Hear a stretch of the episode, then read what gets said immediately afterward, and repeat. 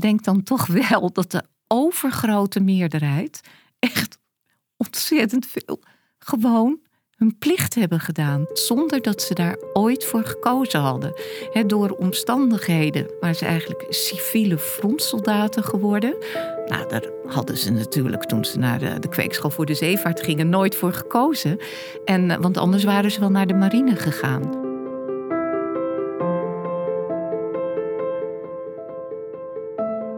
Wat doe je als je op zee zit en je hoort dat het in Nederland oorlog is?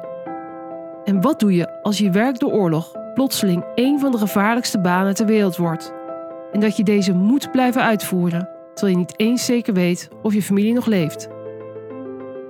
Je hoort natuurlijk ook de ergste verhalen van het aantal burgerslachtoffers in Rotterdam, waar natuurlijk veel familieleden woonden. In Zij hielden koers volgen we de geschiedenis van de Nederlandse koopvaardij in de Tweede Wereldoorlog. Het is het verhaal van gewone mensen die zonder daarvoor te kiezen ineens in de frontlinie van een oorlog terechtkomen. In de eerste jaren zie je echt van de Tweede Wereldoorlog dat konvooivaren op een verschrikking uitdraait. Het was eigenlijk voor de Duitse U-boten prijsschieten. Abonneer je nu op Zij hielden koers, een podcast van het Nederlands Instituut voor Militaire Historie.